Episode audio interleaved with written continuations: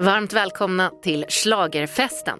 Det här är podden som i vanliga fall gräver ner sig och analyserar i årets melodifestival. Precis, och vi brukar prata om vad som ska hända, vad som hände, varför det hände, hur det hände och, och tycker en massa saker gör vi också. Ja, live på turnén och inför turnén helt enkelt. Men nu har jag som heter Elaine och driver den här podden ihop med min kompis Anders? Nu har vi som har gjort den här podden i det här formatet åtta år i rad bestämt oss för att ta det ett steg till. Ja, men vi behöver liksom fylla ut de här långa trista veckorna i januari inför liksom Mello drar igång mellan jul och nyår och den riktiga högtiden, eh, det vill säga tävlingen. Och då har vi bestämt oss för att istället gräva i saker som har hänt. Påminna oss själva, vad hände egentligen?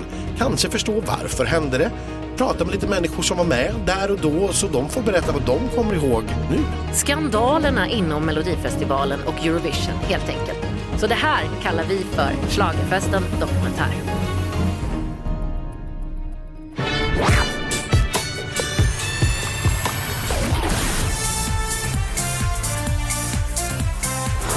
Vi befinner oss i början av april 2015. Sverige är, för fjärde året av de senaste fem, en av favoriterna att ta hem segern i Eurovision Song Contest. Tävlingen ska avgöras i Wien sista veckan i maj eftersom Conchita Wurst tog hem segern i Köpenhamn året innan. Det vill säga om cirka sex veckor. Det pågår intensiva förberedelser runt om i Europa. Den 18 april ska till exempel 24 av årets akter visa upp sig i Eurovision in Concert i Amsterdam. Ett evenemang som är mycket viktigt för att marknadsföra sig och positionera sig inför den riktiga tävlingen. Här någonstans, ungefär då, så skickar EBUs dåvarande presschef och chefredaktör för sajten Eurovision.tv, Jarmo Sim, ett meddelande via Facebook till en grekisk journalist där den uppmanar journalisten att citat fortsätta angripa den svenska låten och sätta press på oss. Slutcitat. Detta avslöjar allra först den grekiska sajten Typologies som är en del av tidningen Paron den 17 maj. Den 18 maj plockar sedan Aftonbladet upp tråden och konfronterar Jarmo Sim direkt i Wien. Han nekar naturligtvis till anklagelsen och hävdar att han aldrig sett det citatet förut. Senare ska fler och fler bevis framkomma som styrker att Jarmo Sim verkligen skickade det där meddelandet. Men hur i hela friden hamnade vi här? Att presschefen för hela tävlingen aktivt uppmanar en journalist att offentligt misskreditera ett bidrag. Och vad skulle låten misskrediteras för? Säkert är det så att de undanhöll det här från oss för att, vi mm. skulle, för att han framförallt skulle göra ett bra framträdande och liksom hålla hela de här veckorna som det håller på. Antagligen, för att mm. vi hörde verkligen. Jag har aldrig hört talas om det här.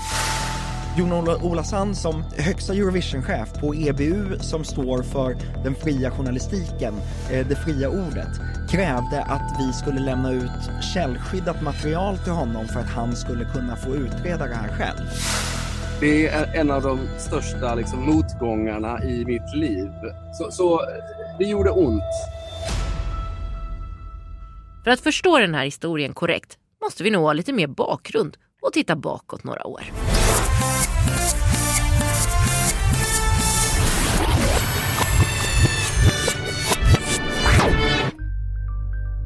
Under 00-talet gick det i härlighetens namn lite sisådär för Sverige i Eurovision Song Contest. Den nya Melodifestivalen rullade på efter 2002 hemma i Sverige med rekordsiffror både i antalet inskickade bidrag, antalet inkomna röster och antal tittare. Melodifestivalens final var oavbrutet det mest sedda tv-programmet mellan år 2000 och 2013 och nådde sin absoluta peak 2006 då hela 4,24 miljoner människor tittade på finalen. Samlingsalbumet det var det näst bäst säljande albumet i Sverige alla kategorier 2004 till 2006 och blev det bäst säljande albumet från 2007 fram till 2015. Men man hade haft svårt att överföra den här succén på hemmaplan till den internationella scenen. Med intåget av Östeuropa i tävlingen verkade vi hopplöst efter i utvecklingen. En 19 plats 2005, 18 plats 2007 och 2008 21 plats 2009 och vilket som vi vet då kulminerade med att till och med missa finalen 2010. Även de utländska fansen älskade vår festival.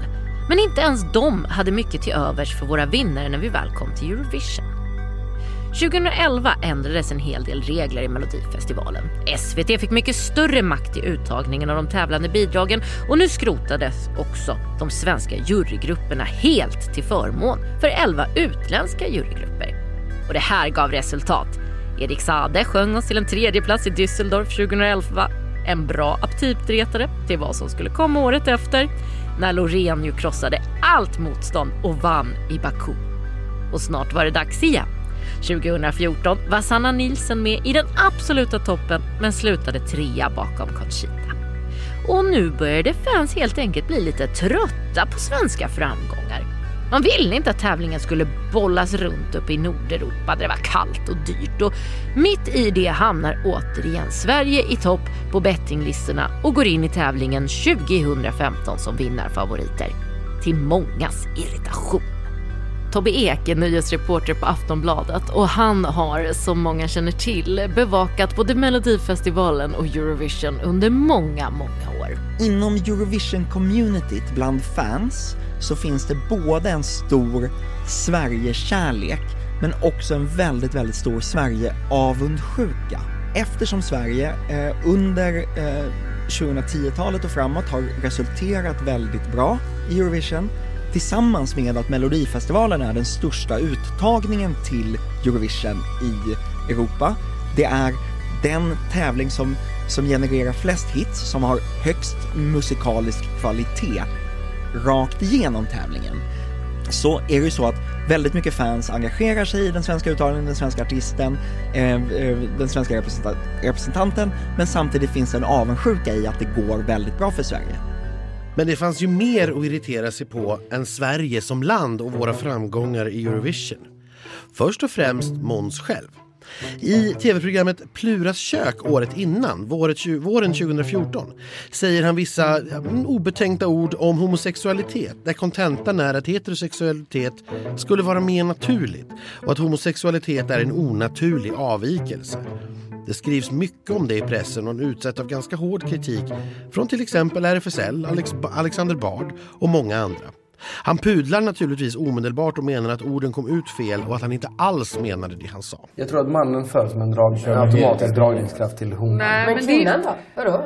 Och kvinnan lika så. Men så, så måste det väl vara någonstans? Ja, men alltså, så du menar att homosexualitet är en avvikelse då? ja, ja, det menar jag. Jag menar inte att det är något fel överhuvudtaget. Nej, nej. Men jag tror, jag tror att det naturliga är ju att det är man och kvinna som gör barn ihop. Och därmed får, får hela arten att, att uh, fortplantas. Men det, men det, det är kanske... väl fullt lika naturligt att man och man, och man vill ligga med, eller kvinna och kvinna? Sexual... Det är inte lika naturligt. Om vi ser till... Uh, det är inte lika... De inte skapar barn ihop. Det är inte lika, norm... det är inte lika vanligt. Det är inte lika vanligt. Naturligt är det ju definitivt. Jag, jag menar någonstans, någonstans måste det vara så att, att det finns en, en grundläggande tanke i oss från födseln att vi ska föra arten vidare. Och det tror jag finns i alla arter. Men nu får helt plötsligt den här historien nytt liv. Och den här gången på europeisk nivå.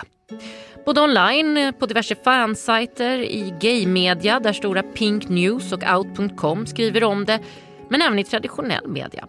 Brittiska The Independent har till exempel den 16 mars en artikel med rubriken Sweden selects singer who made anti-gay remarks. Vi frågar Måns Zelmerlöw hur han ser tillbaka på att den här gamla historien drogs upp åter igen. Alltså det, är klart, det är en av de största liksom, motgångarna i mitt liv.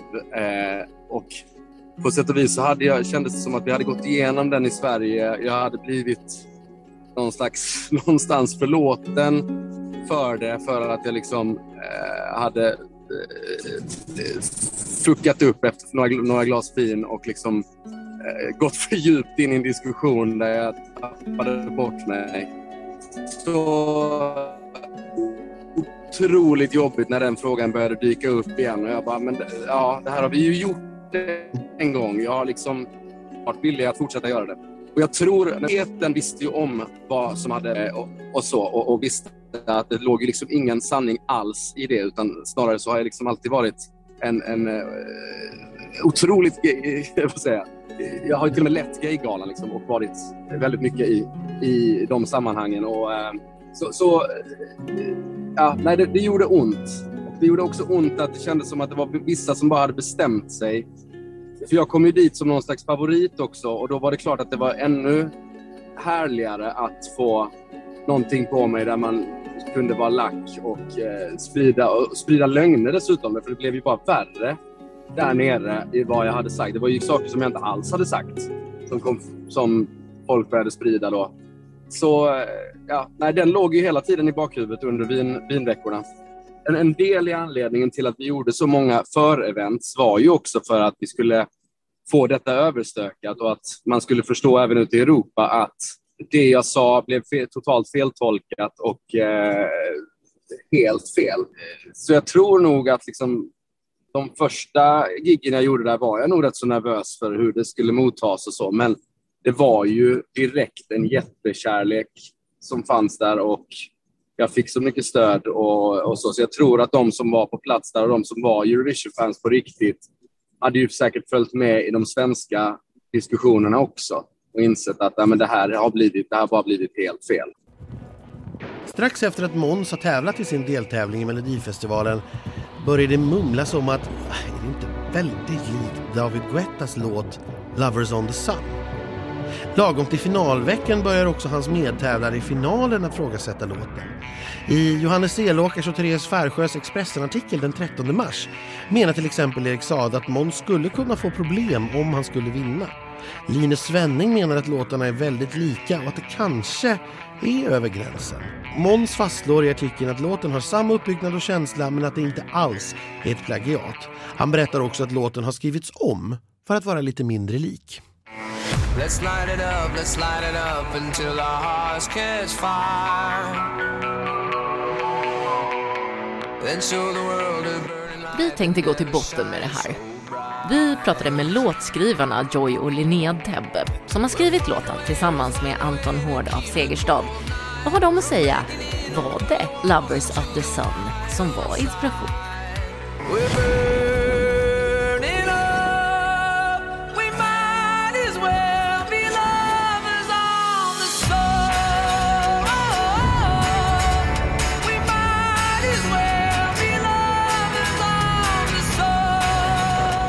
Från början tänkte vi, vad fan tänkte vi?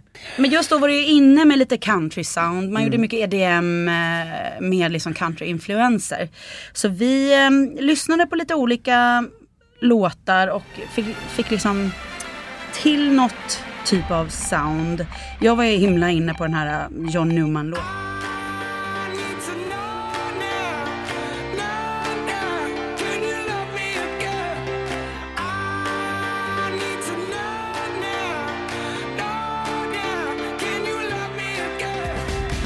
Så det var liksom, ja men där är refrängen, så ska den gå. Och sen eh, versen, då tänkte vi på eh, den här eh, Alison Krauss och, eh, och eh, Union Station, deras eh, Dust Bowl Children då. då. Eh, att det skulle vara ordentligt, riktigt bluegrass eller country liksom. My father's name was a Hannibal, mama was a Hannah. Everything we owned got all burned up in the Great Depression fire. Men det var, vi, Nej, men, vi lekte fram låten. Ja, och den kom väldigt fort. Eh, och, och, som sagt den här John Newman-låten var också en stor inspiration till produktionen. Det var liksom alla element nästan har vi liksom inspirerats av. Eh, låten kom väldigt fort och sen hade vi en hook som vi kallar för Tarzan-hooken. Och jag vet att jag pushade mycket för den. Nej för det var du som gjorde den. Ja kanske, men jag kommer inte ihåg. Men, men för att man, jag ville ha bara någonting som sticker ut. Mm. Men sen så fattade vi, okej okay, den kanske, vi behöver skriva om den. Så den, den försvann. Ja. Men det var ändå så här, man kunde ändå känna att vi har någonting här, vad är den svagaste länken i låten? Det är den delen. Okej, så inte Lovers on the Sun. Men hur känns det då egentligen att bli anklagad för ett plagiat som man inte alls har gjort? Och varför skrevs de? Bad SVT verkligen om det? Ja, det stämmer. Den var ju lik en annan låt, framför allt i den här äh, liksom wow-wow-hooken eh, äh, lät annorlunda från början. Den, eh, det var, jag tror till och med att det kan ha varit jag som sa att det där måste vi ändå titta på och liksom se, göra, göra någonting annat med. Så det gjorde vi och det gjorde de och eh, det blev ju ännu bättre. Det var nog gemensamt från alla involverade, alltså att ja, den där hooken kanske vi borde kolla på så liksom. Och sen började jag och Linnea göra om massa och så skickade vi fram och tillbaka med Anton just de dagarna. Jag kommer inte ihåg. Ja. Hur reagerar man? Eh, ja, självklart så, ja man lyssnar ju och ja visst, kanske finns, ibland finns det likheter, ibland inte. Om man skulle börja mäta och kolla varenda ton och rytm så är det ju inte likt alls. Men sen kan man ju ibland förstå, just med det här gitarrsound, allting på något sätt blev lite, även om vi har haft helt andra referenser när vi gjorde låten så kände liksom hela grejen. Då började ju arbetet det som hände också. Att då började vi göra om allting. Då gjorde vi om liksom hela melodin på hela refrängen. Gjorde tusen na, na, na, na, grejer och uh, konstiga saker. Men det slutar ju någonstans ändå att äh, men det här är inte, vi har inte stulit det här utan vi, vi det var Tarzan-grejen som vi fick göra om. Jag trodde nog att det skulle komma där, för ljudlandskapet är ju lite samma. Det är ju någon slags liksom EDM country vibe på det hela. Eh, som, som Getta då också hade. Eh, så jag var nog rätt så beredd på att det skulle komma och jag var rätt, väldigt säker på att det inte fanns fog för det. Därför liksom, eh, ackordslingan må vara densamma men liksom melodimässigt och så, så var det ju är vi ju långt, långt ifrån varandra. Alltså alltid när man sitter i låtskrivarprocessen så är det klart att du, du, alltid har någon referens eller någonting som du vill skriva och liksom i det här, land, i det här landet vill jag vara. Och sen så, så hamnade mer, mer eller mindre nära det liksom. Och jag tycker att i Heroes-fallet så tycker jag som sagt att det var inte någon fara åt något håll alls. Inte heller den lilla streckgubben som projiceras bakom Måns och som han integrerar med i sitt nummer undgår kritik. Den visar sig nämligen ha väldigt stora likheter med en Youtube-video, The Alchemy of Light, som videokonstnären som kallar sig A Daddy Punk lagt upp. Även i denna video flyger den lilla streckgubben iväg med ett paraply efter att konstnären kontaktat SVT och hotat med rättsliga åtgärder bestämmer sig SVT för att till Wien göra om streckgubben något och byta ut paraplyt mot en ballong så att numret blir mindre likt. Den, den lille gubben eh, gick till så att jag när vi hade bestämt oss då för att vi skulle göra Heroes så ville jag jobba med Benke Rydman och jag satte mig med Benke och funderade på vad finns det framförallt för, liksom, vad finns det för teknik som man skulle kunna använda på scen som man, som man inte har sett på melloscenen innan. Och då visade han mig eh, 3D mapping då, som det heter. Så vi bestämde att vi skulle göra någonting med det och eh, började fnula då på den här historien om den lilla streckgubben. Och, eh, och, eh, det, ja, och det blev då en, en story om mitt yngre jag då, att jag pratar med mitt yngre jag som har det tufft i skolan med vänner och så. Eh, och han bygger en armé av vänner och, och så. Men det är ju helt Benke och David som, som gjorde det ska ju ha all, all cred för den. Jag hade ju, jo, jag hade sett, jag hade sett förlagan också. Eh, och eh, ja, absolut, det var ju liksom precis på samma sätt var det inspirerat av den. Jag tyckte att hans nummer var helt fantastiskt eh, och så. Eh, men jag tycker ju att till slut så skapade vi ju någonting helt eget och en egen historia och, och, och så. Jag tycker att vi gjorde det väldigt bra även det. Det är nu i april som Eurovision.tv också byter ut den svenska förhandsvideon på sin egen sajt.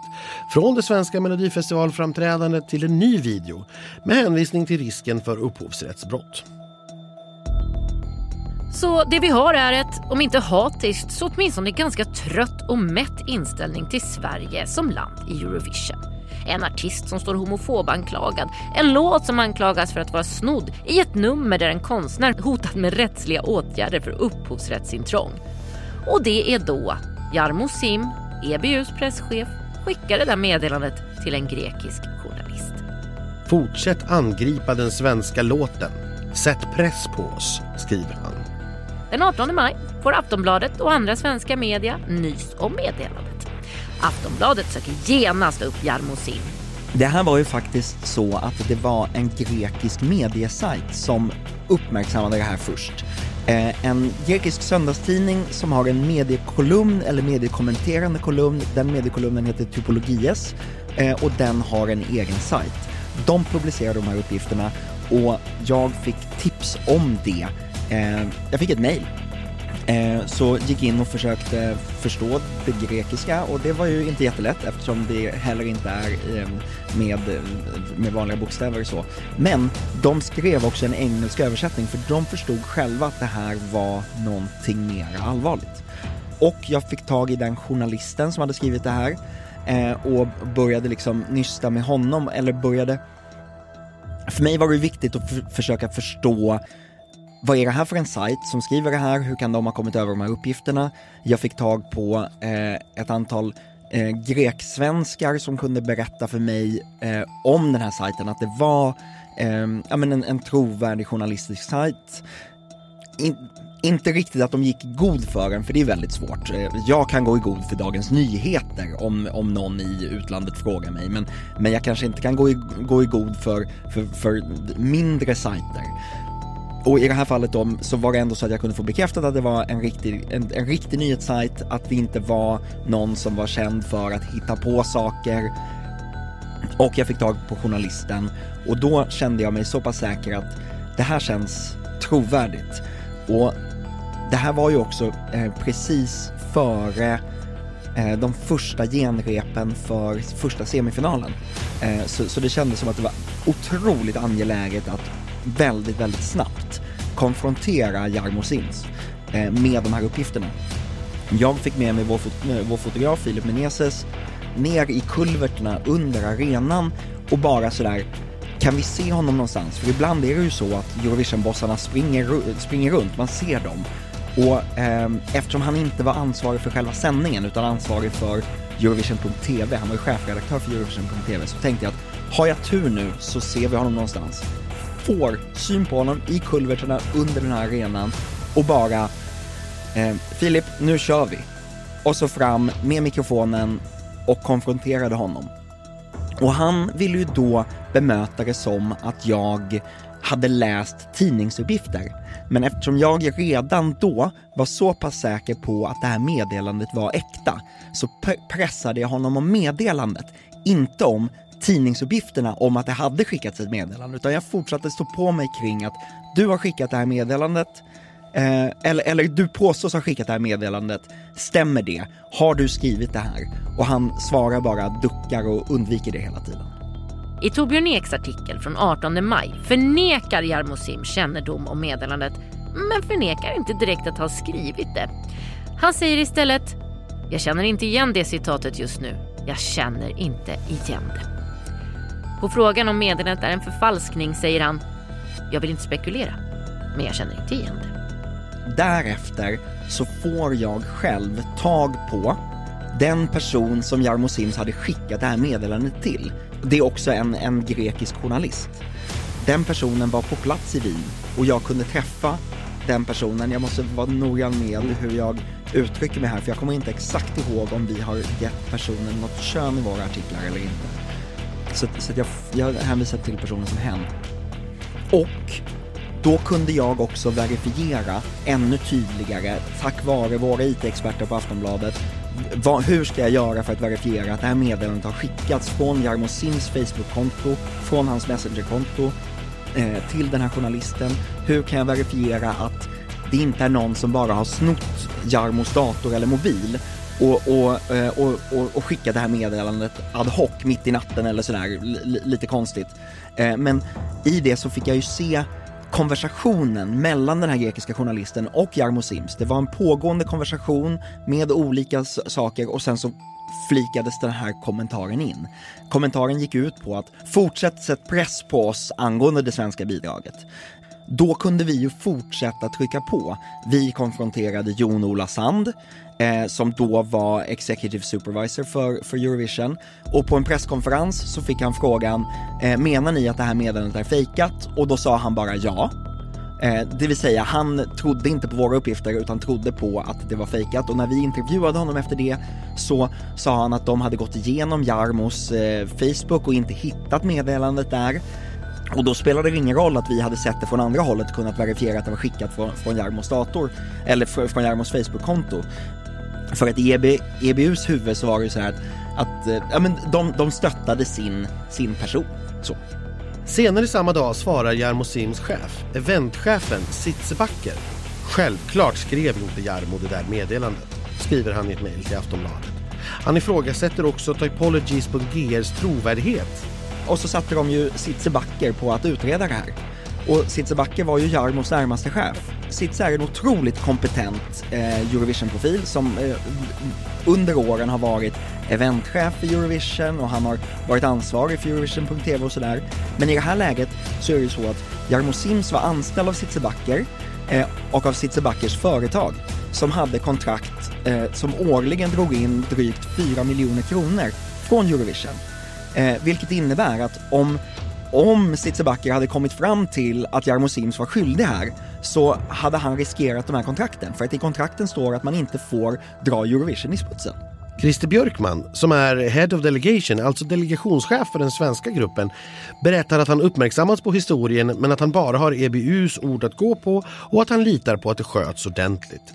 Även Måns uttalar sig att han är tillräckligt trygg i sitt nummer för att inte störas av detta jag bad nog mitt team hålla mig borta från att läsa svensk press överhuvudtaget. Under de två veckorna i alla fall. För det var, man är så otroligt, det är så mycket i huvudet hela tiden och, och sådär. Så det, det hade jag nog inte orkat med. Men ja, det är klart att jag, det, det, jag visste ju att det här var en diskussion som fördes. Men återigen, så, alltså, ja, det hade varit så befängt om de hade diskat låten på grund av plagiat med tanke på hur långt den är ifrån den låten. Eh, så jag tänkte att det, det kan, det finns inte en möjlighet. Linnea är inte bara en av låtskrivarna på låten Heroes utan hon var även med nere i Wien och körade som en del av den svenska delegationen. Nej men det här har jag aldrig förstått förstår ni. Jag hade ingen aning om det. Jag var jätteglad och körade och var lycklig. Säkert är det så att de undanhöll det här från oss för att, vi mm. skulle, för att han framförallt skulle göra ett bra framträdande och liksom hålla hela de här veckorna som det håller på.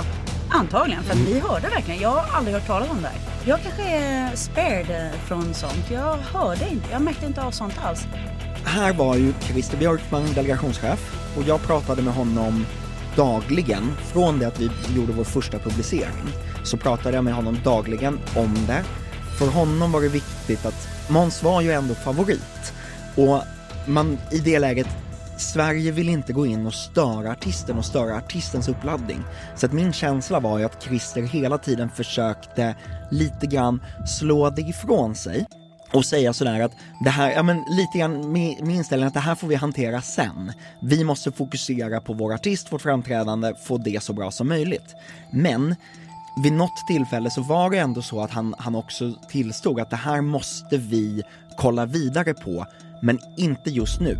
Och sen efter segern, då var det mycket lättare att prata med, med SVT och Christer Björkman och då var ju de skarpt kritiska till eh, hur, eh, hur EBU hade, hade hanterat det. Den 20 maj hålls en presskonferens med bland annat Jon-Ola Sand som var exekutiv supervisor för EBU under tävlingarna i Wien. På den direkta frågan från Aftonbladet om meddelandet var fejkat svarar han ja. Den 22 maj med hjälp av oberoende IT-experter kan Aftonbladet fastställa att meddelandet verkligen skickades från Jarmo Sims Facebook-profil. På Eurovision så är det väldigt få som vågar sätta press på Eurovision-cheferna. Och det beror på att de allra flesta journalister som är där eh, är hobbyjournalister som driver fansajter. De är väldigt beroende av att vara på god fot med EBU för att fortsätta få akkrediteringar. Eh, och många av de andra journalisterna eh, för, för så att säga stora medier, de, de kunde ju bara gå på våra uppgifter, på Aftonbladets uppgifter. Och det var ett antal som, som skrev om det och som uppmärksammade det. Vår, vår konfrontation av, av Jarmo Sims eh, visades på estnisk TV och, och plockades upp. Jag var den och Aftonbladet var de som var tvungna att driva på det här. För att i våra ögon så, så, så var det ju någonting som inte var ja, men någonting som inte stod rätt till. För mig var det här viktigt att, att försöka driva på för att undersöka vad finns det för någonting som ligger bakom det här. Utifrån som vi kunde tolka det så hade Jarmo skickat det här, vad har han för bakomliggande orsaker till det? Eh, och är det så att det i EBU finns någon form av korruption? Eftersom vi ifrågasatte Sitzebackers eh, kval eh, kvalifikationer för att utreda sin anställde så eh, pratade jag ju också med, eh, med chefen för, eh, för den svenska antikorruptionsbyrån. Jag tror att det heter Institutet mot mutor heter det numera. Eh, och hon var ju väldigt skarp i att säga att det här är otroligt märkligt och så här får, får det inte gå till. Och det handlar ju om att korruption är ju inte bara att man tar emot pengar och mutor för saker, utan det handlar ju också om vänskapskorruption och att man, ja men det är väldigt svårt för en chef att utreda sin egen anställd om det samtidigt innebär att man själv riskerar kontrakt som är värda 4 miljoner kronor. 5 juni. Efter tävlingen och Aftonbladet ger sig inte. I en video som publiceras visas tydligt hur källan, den grekiske journalisten som för att inte tappa akkrediteringen till kommande Eurovision kräver att vara anonym, går från Jarmos öppna Facebook-profil in på meddelandet och hur det enkelt kan hittas där. Christer Björkman, som också får se materialet, blir upprörd och säger att han snarast kommer lyfta frågan till Jon-Ola Sant så att det kan diskuteras på referensgruppsmötet senare i juni. Värt att notera här är att det så kallade referensgruppsmötet, den grupp som i praktiken styr över Eurovision Song Contest, inom EBU har ett planerat sammanträde den 18 juni. Efter att, vi, efter att vi hade kommit hem från Wien så EBU är ju otroligt svåra att ha att göra med. För att vara ett, ett företag som, som står för öppenhet och eh, pressfrihet och, och det fria ordet så är det fullständigt omöjligt att få prata med någon. Så egentligen, det, det mesta kontakt skedde via mail. Jag ringde till Jan-Ola Sand, han svarade möjligtvis på sms eller på mail.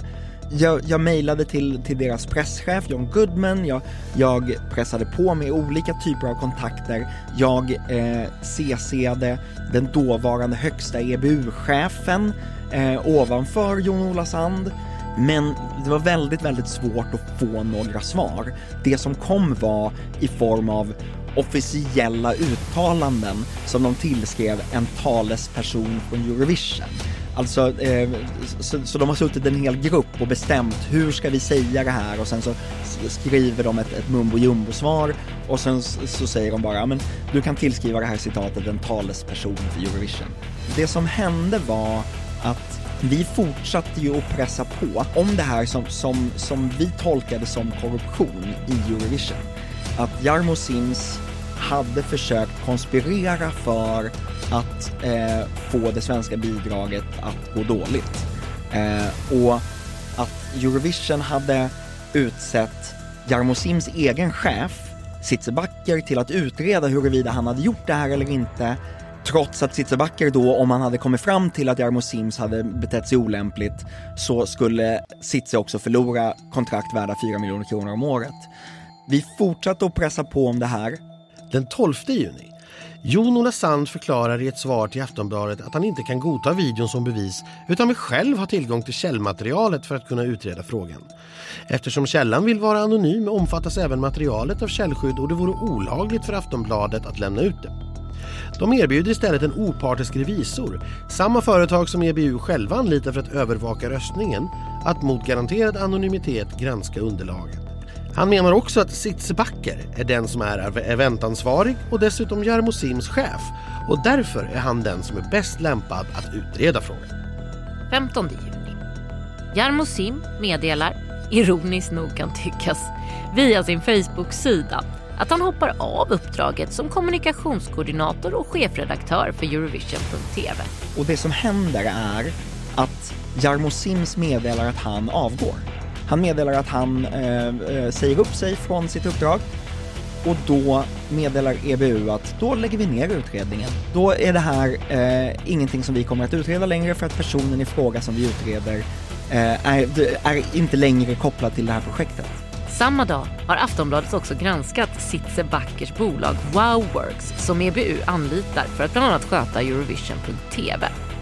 Kontraktet är värt cirka 4,4 miljoner kronor årligen och innefattar bland annat Jarmo Sims tjänst som chefredaktör och kommunikationskoordinator.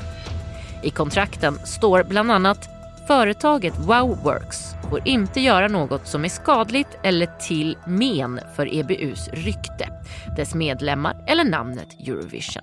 Om Sitze Backer skulle komma fram till att Jarmo Sims verkligen varit skyldig till det han anklagats för, riskerar han alltså att förlora sitt eget mångmiljonkontrakt med EBU. Det här är saker som vi inte har publicerat. Men Sitzebacker skickade ett så kallat season desist-brev till Aftonbladets eh, jurister. Det är ju så man beter sig i USA och i England, där när man, när man hotar med att stämma en publikation eh, om, man, eh, om man gör en viss publicering. Det är bara det att det svenska pressetiska systemet fungerar inte så. Du kan såklart efter en publicering eh, anmäla det eh, eh, till, till, till pressombudsmannen och, och så vidare. Men det finns inte en juridisk process där du drar en, en tidning inför domstol innan en publicering. Eh, så att, så att vi, eh, jag tror att våra jurister inte ens svarade Sitzebackers bolag på, på det här season brevet. Det ska jag ha osagt, det kan mycket väl vara så att man svarade att så funkar inte det pressetiska systemet. Dessutom vet jag att Sitzebacker försökte istället för att lägga tid på att utreda vad Jarmo Sims hade gjort så jobbade Sitzelbacker otroligt hårt på att ta reda på vem den grekiska journalisten var som, som hade det här Facebook-meddelandet. Och det kanske till och med är så att Jarmo Sims hade berättat vem det var för Sitze eftersom jag är 100% övertygad om att det var Jarmo som hade skickat det här meddelandet. Och jag vet att det sattes väldigt, väldigt hård press på den grekiska journalisten som stod på sig, inte erkände gentemot EBU, men som under en lång period mådde otroligt dåligt.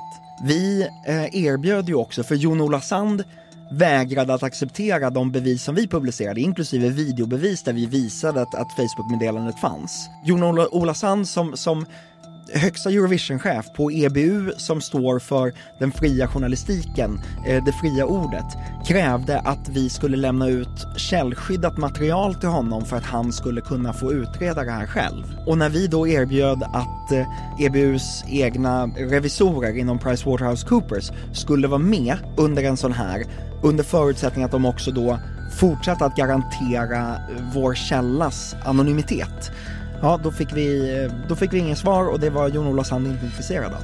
Den 29 juni Tjänsten som ny kommunikationskoordinator och chefredaktör för Eurovision.tv utannonseras.